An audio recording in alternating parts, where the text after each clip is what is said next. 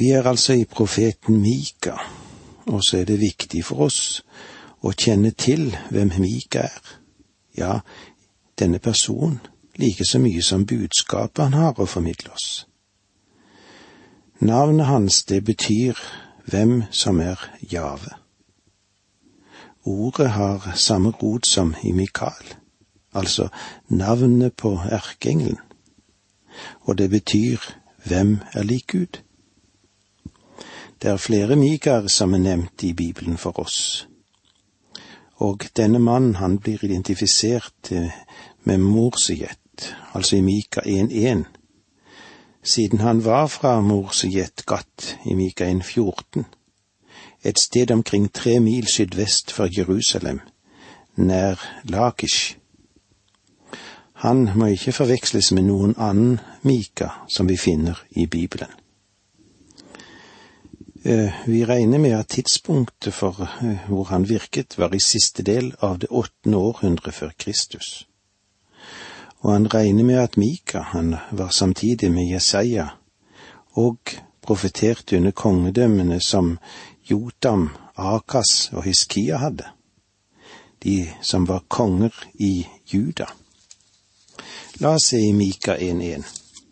Dette er Herrens ord som kom til Mika fra Morsiet, på den tid da Jotam, Akas, Hiskia var konger i Juda.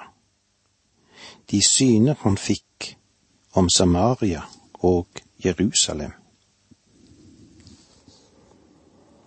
Men profetene og de profetier som angår Samaria og Jerusalem, er det vi vil komme inn på.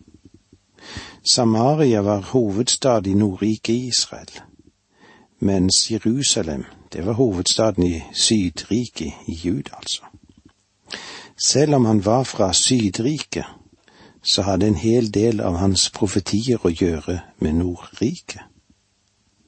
Han talte til nasjonen under den tid da Nordriket ble angrepet av Asyria. Selv om også Sydriket ble angrepet, så var det folk i Nordriket som faktisk ble drevet i landflyktighet til Asyria.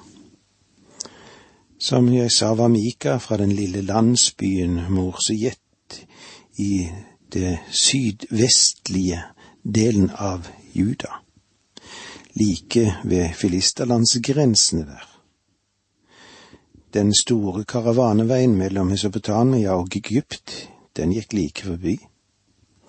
Hans virkefelt i de dager da Jotam, Akas og Esekias var konger i Juda det vil altså si i slutten av 700-tallet før Kristus.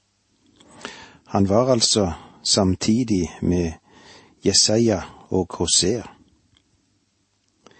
Det var en stormfull og skjebnesvangers tid for Juda og for Israel dette, når Mika levde. Han må ha opplevd mye, og ikke så min lite av kriger og han opplevde òg Nordrikes undergang. I Juda, der har han vært vitne til Esekias religiøsk-moralske reformasjon, og han har muligens også vært inspirert til denne og selv tatt del i den.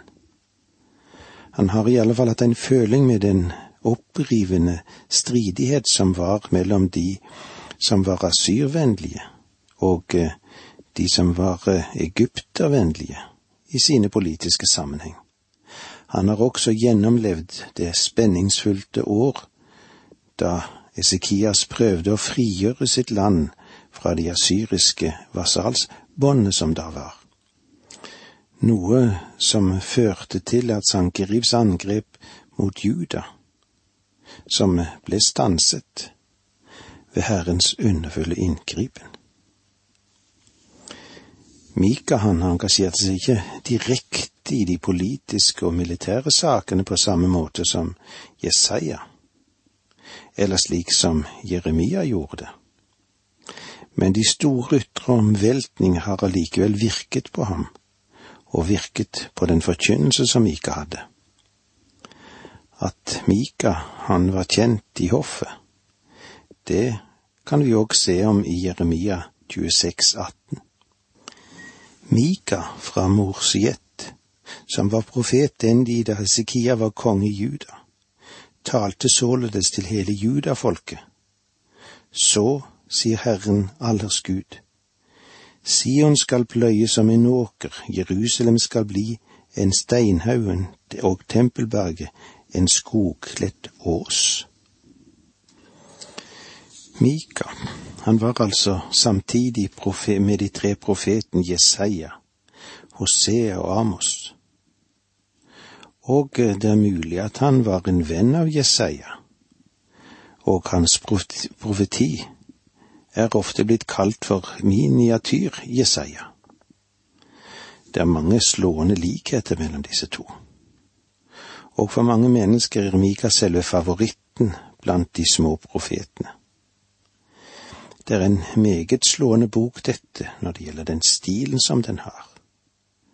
Og om du setter pris på vakkert språk, om du ikke har noe til overs for poesi, og om du elsker litteratur, ja, da er jeg sikker på at du vil sette stor pris på Mika.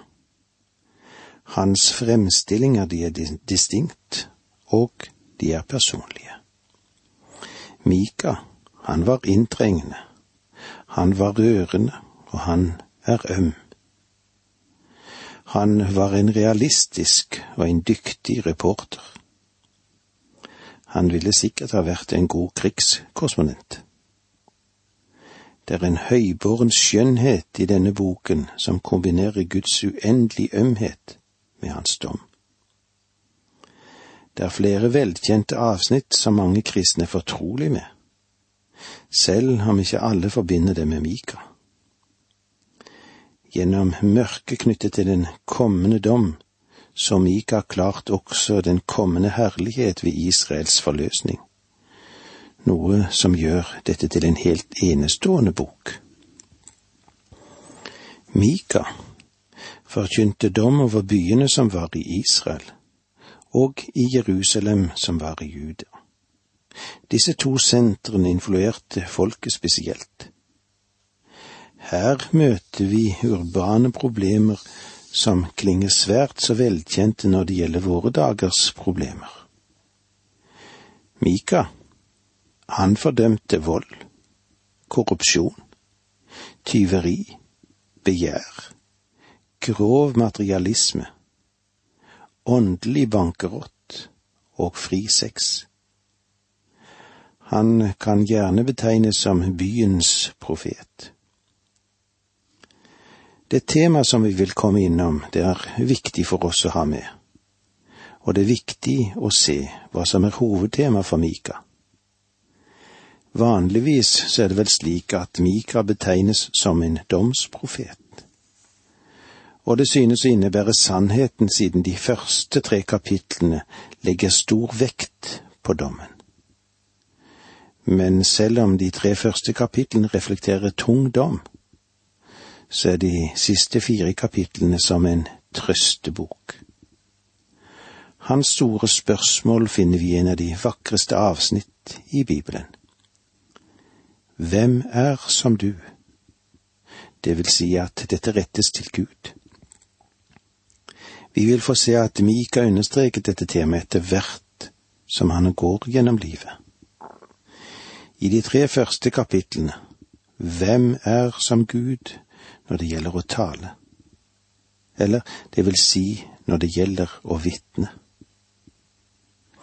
I kapitlene fire og fem Hvem er som Gud når det gjelder å profetere, det vil si å trøste.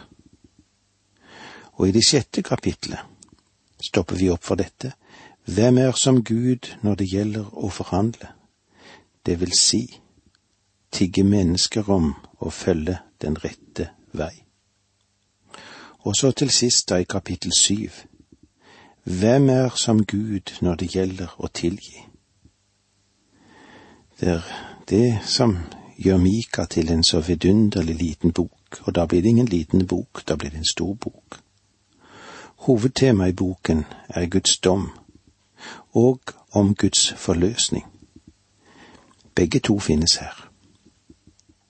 Nøkkelverset slik som vi hadde for oss her i Mika 7,18, hvor det står Hvem er en Gud som du, som tar bort skyld og tilgir synd for resten av sitt eget folk? Han holder ikke evig fast på vreden, for han vil vise miskunn. Og med disse ordene må vi si takk for nå, må Gud være med deg. Dette undervisningsprogrammet består av to deler. Åge Nevland fortsetter nå med andre del av dagens undervisning. Vi er i profeten Mika. Mika han var samtidig med Jesaja, men de to hadde helt forskjellige tjenester.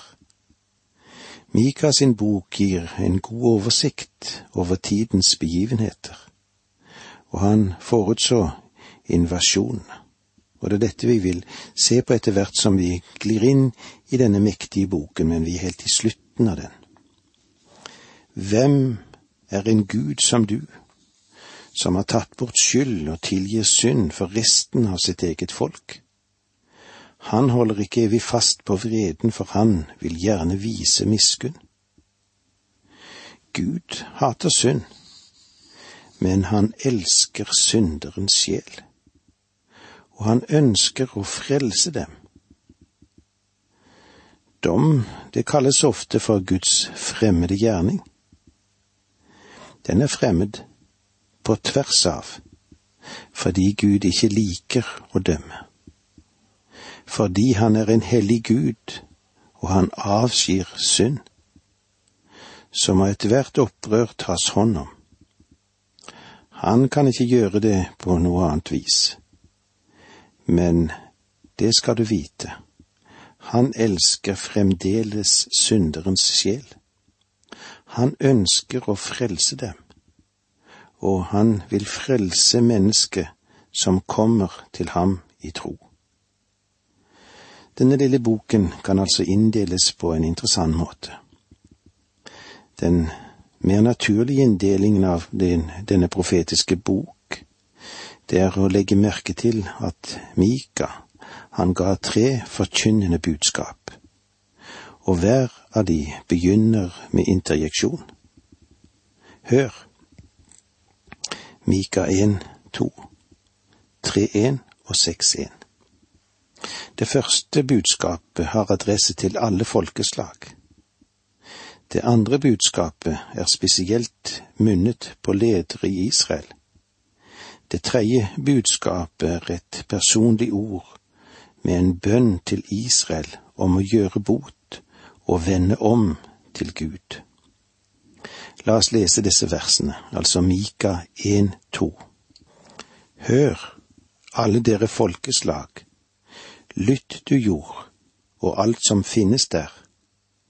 Herren skal være vitne mot dere, vitne fra sitt hellige tempel. Mika 3.1, som har et spesielt budskap til lederne i Israel. Jeg sa, hør nå Jakobs høvdinger, dere styresmenn i Israel skulle ikke dere vite hva som er lov og rett? Og så har vi da kapittel seks, vers én. Hør hva Herren sier. Reis deg, før din sak for fjellene. La haugene høre din røst. Altså, dette budskapet er et personlig ord, med bønn til Israel om å gjøre bot og vende om til Gud. La meg òg få lov til å henvise kort til angrepene på helheten i denne boken. Og her kan vi da rette blikket mot de tyske kritikerne. De angrep denne boken på samme, på samme vis som de gjorde det med profeten Jesaja. En kritikk som senere har fått sitt gjenklang og er blitt besvart av de konservative forskerne. Derfor vil ikke jeg bruke tiden på å gå inn i denne problematikken. Men jeg synes det er noe interessant at Jeremia siterte fra Mika, noe som viser oss hvor viktig Mika var på sin samtid.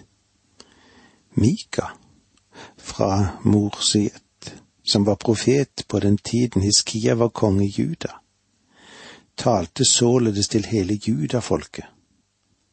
Så sier Herren, allers Gud, Sion skal pløyes som en åker Jerusalem skal bli en steinhaug og tempelberget en skogkledd ås. Selvfølgelig ofret ikke folket Jeremia større oppmerksomhet enn det de hadde gjort med Mika.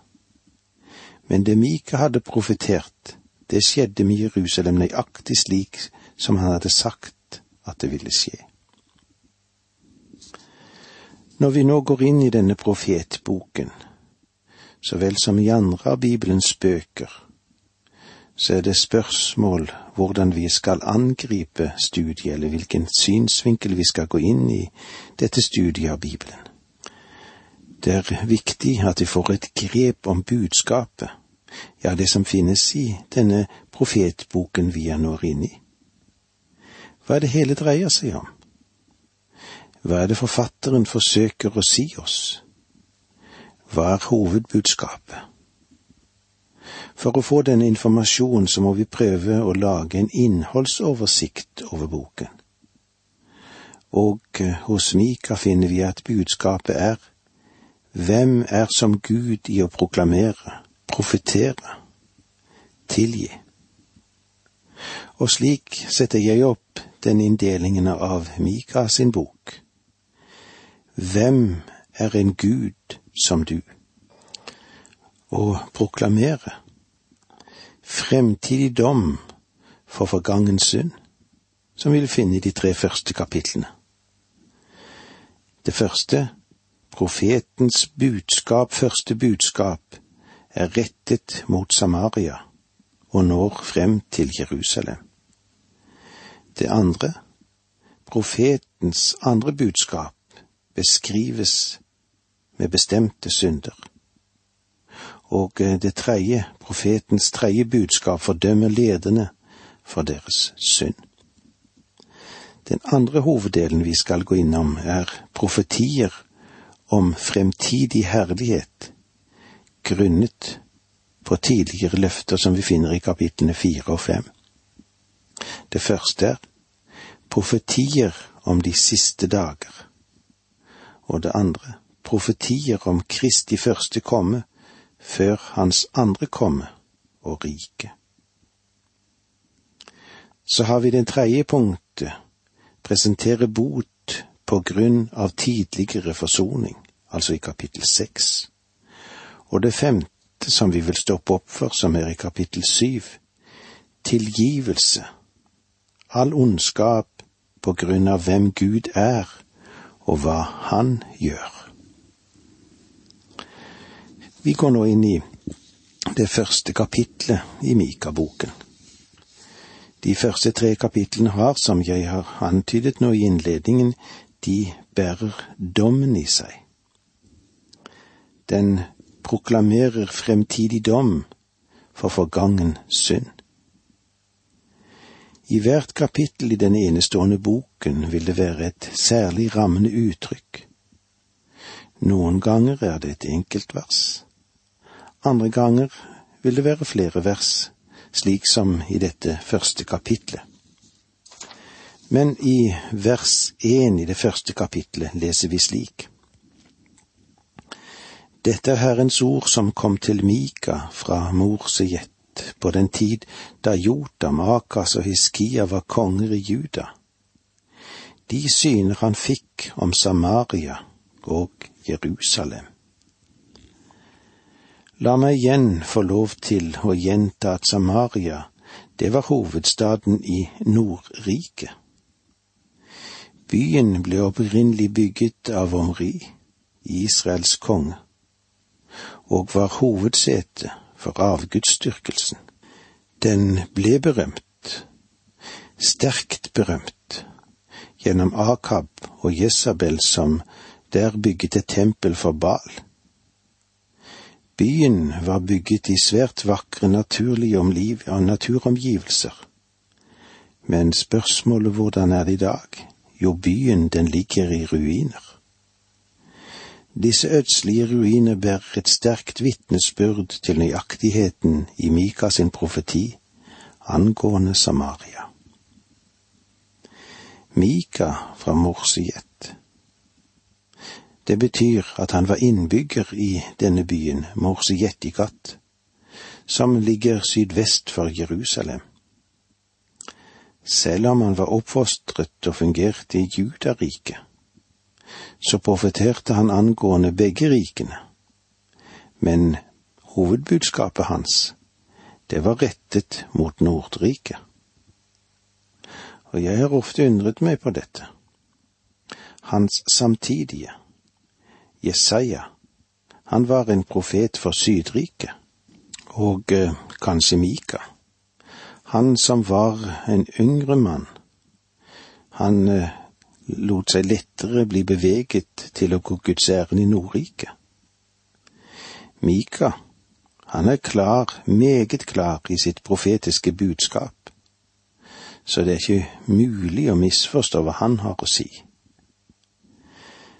Første, den første profetien han hadde, den var rettet mot Samaria, men den når fram til Jerusalem. I det første kapittel vers to leser vi slik. Hør alle dere folkeslag, lytt du jord og alt som finnes der. Herren skal være vitne mot dere, vitne fra sitt hellige tempel. Hør, alle dere folkeslag. Det betyr alle folk, det. Det inkluderer deg og meg hvor vi enn måtte befinne oss. Mika, han har et budskap til oss alle. Og med disse ordene må vi si takk for nå, må Gud være med deg.